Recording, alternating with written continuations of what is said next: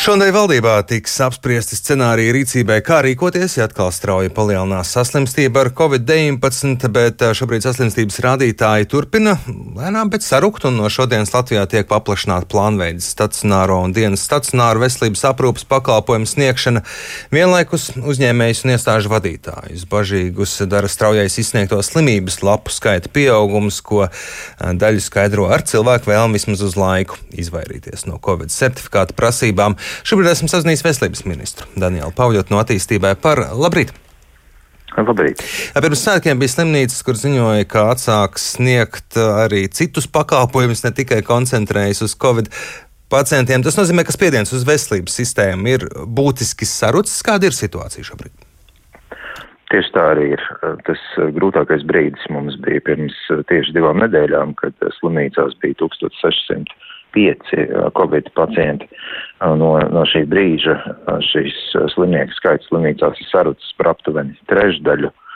Un līdzīgi kā saslimstības situācija stabili samazinās, tā arī slimnīcās ir vērojams pakāpnisks, lēns tāds uh, stabilizācijas process. Līdz ar ko pagājušajā nedēļā pirms svētkiem uh, bija iespējams uh, kopīgi visai slimnīcas sistēmā lemt par to, ka uzmanīgi, pakāpeniski uh, soli pa solim atsāksim arī, arī plānveidu aprūpas sniegšanu. Un, nu, protams, mēs esam gatavi dažādiem scenārijiem, gan uh, pasliktinājumam, mēs zinām, ko darīt. Uh, mēs ļoti ceram, ka tas nebūs, un attiecīgi arī tad, ja situācija turpinās uzlaboties, tad mēs zinām, kā mēs rīkosimies. Jā, kādi ir šie scenāriji? Šonadēļ valdībā ir paredzēts uh, spriest par to, kā rīkoties, kas ir tas, ko mēs potenciāli varētu sagaidīt, uh, to, ka mēs ejam uh, ierobežojumu atcelšanas virzienā, ja tieši pretēji varētu drīzāk svētkiem tuvojoties? Nu, tas, protams, ir atkarīgs no, no faktiskās situācijas. Mēs ļoti ceram, un arī mūsu modeļi, jāsaka, teiksim, šie te prognožu modeļi paredz, ka zināms pēcsvētku un, un pēc mājasēdes inficēšanās gadījumu skaita palielinājums neliels varētu būt, bet ka tomēr tā tendencija būtu jābūt krītošai jo jāņem vērā ir tas, ka mēs esam šo mājasēdes periodu izmantojuši tiešām ļoti mērķtiecīgi kā sabiedrība. Mēs esam strauji palielinājuši vakcinācijas aptveri. Vakcinācijas aptver Latvijā faktiski, nu, jau ir gandrīz tāda kā Eiropas Savienības vidējā, un galvenais, svarīgākais netrisinātais jautājums šobrīd vēl ir salīdzinoši zemāki senioru, ja gados vecāku cilvēku aptver, pie kuras mēs cītīgi strādājam. Līdz ar to nu, tādas acīm redzama pamata milzīgam infekcijas jaunam rābienam it kā nav, bet redzot, kas notiek citās Eiropas valstīs, protams, piesardzīgiem mums jābūt. Šādā situācijā attiecīgi valdībai ir jābūt gatavai, ja tāda iestātos, un, un mēs definēsim parametrus, teiksim, nu, nosacīt šis aptuveni 10% strauji pieaugums inficēšanās gadījumu skaitā nedēļas laikā būtu ļoti nopietns signāls Uh, un savukārt, ja situācija turpina uzlaboties, tad mēs uh, pēc kādām nedēļām varam uh, vērtēt, vai, vai kādu no šobrīd vēl ar vietas spēkā esošajiem drošības pasākumiem būtu samazināti vai atceļami. Bet prātīgi, ja mums jābūt visiem, gan sabiedrībai, gan, gan valdībai. Bet sagaidāt, ka arī pēc valsts svētku brīvdienām, kad visticamāk cilvēki nu, vairāk vai mazāk pulcējās un bija aktīvāki, ka šīs saslimstības līknes varētu mazliet uz augšu iet, bet, bet ne tik ļoti, lai pieņemtu jaunas ierobežojumus.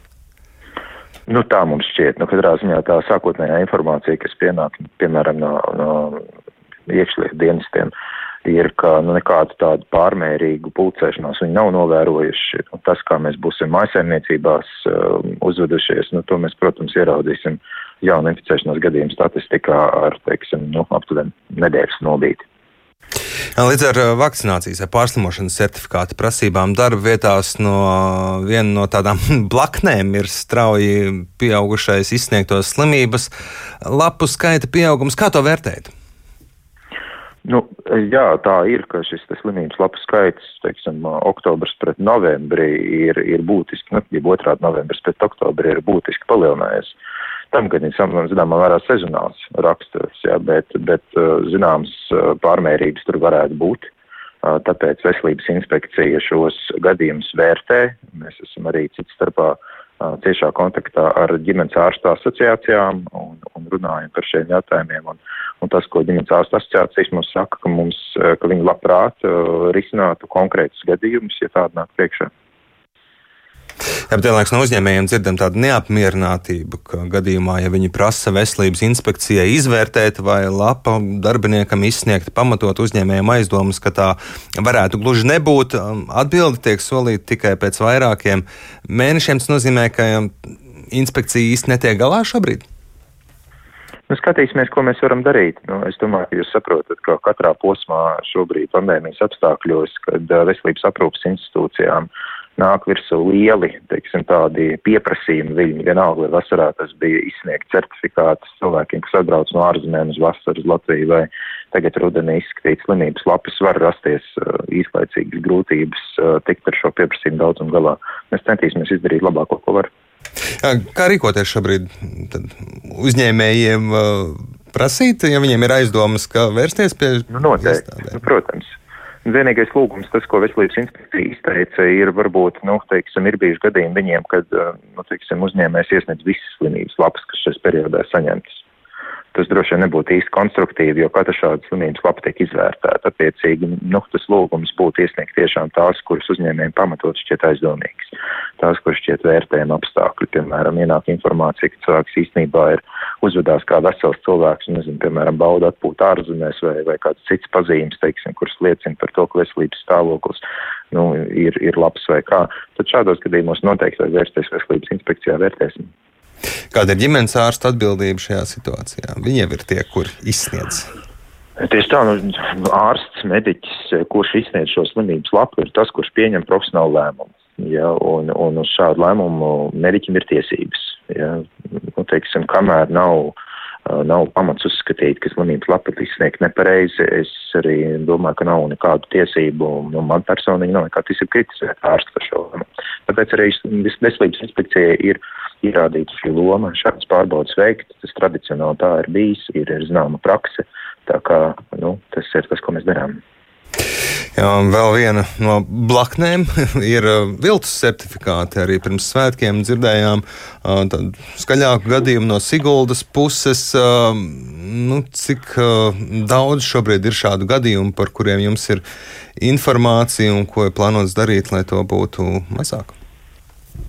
Nu, ir divi veidi, kā mēs šādu informāciju varam iegūt. Vai nu tās ir kādas, sauksim īstajā vārdā, valodas, ja cilvēki runā, vai arī otrs gadījums ir, ir tad, kad uh, tiesības sargājušās iestādes, valsts policija patiešām izmeklēšanas rezultātā konstatē un paziņo, ka viņiem ir teiksim, pietiekams pamats uzskatīt, ka ir notikusi noziedzīga darbība, un tad attiecīgi tiek veiktas izmeklēšanas darbības, arī, arī, arī aizturēšanas kratīšanas tā tālāk. Jāsaka, pēdējā laikā šādu ziņu daudzums ir samazinājies. Ja, teiksim, tas, tas skaļākais mirklis bija pirms nu, jau kāda brīža uh, rudens sākumā. Tā kā policija strādā, mēs palīdzam uh, cik vien mēs spējam nododam informāciju, kas ir mūsu rīcībā, ja tāda, teiksim, slimnīcās rodās pamatots aizdomas vai, vai kādā citā posmā. Tā kā, nu, es teiktu, ka šis process šobrīd mums ir, ir atstrādāts.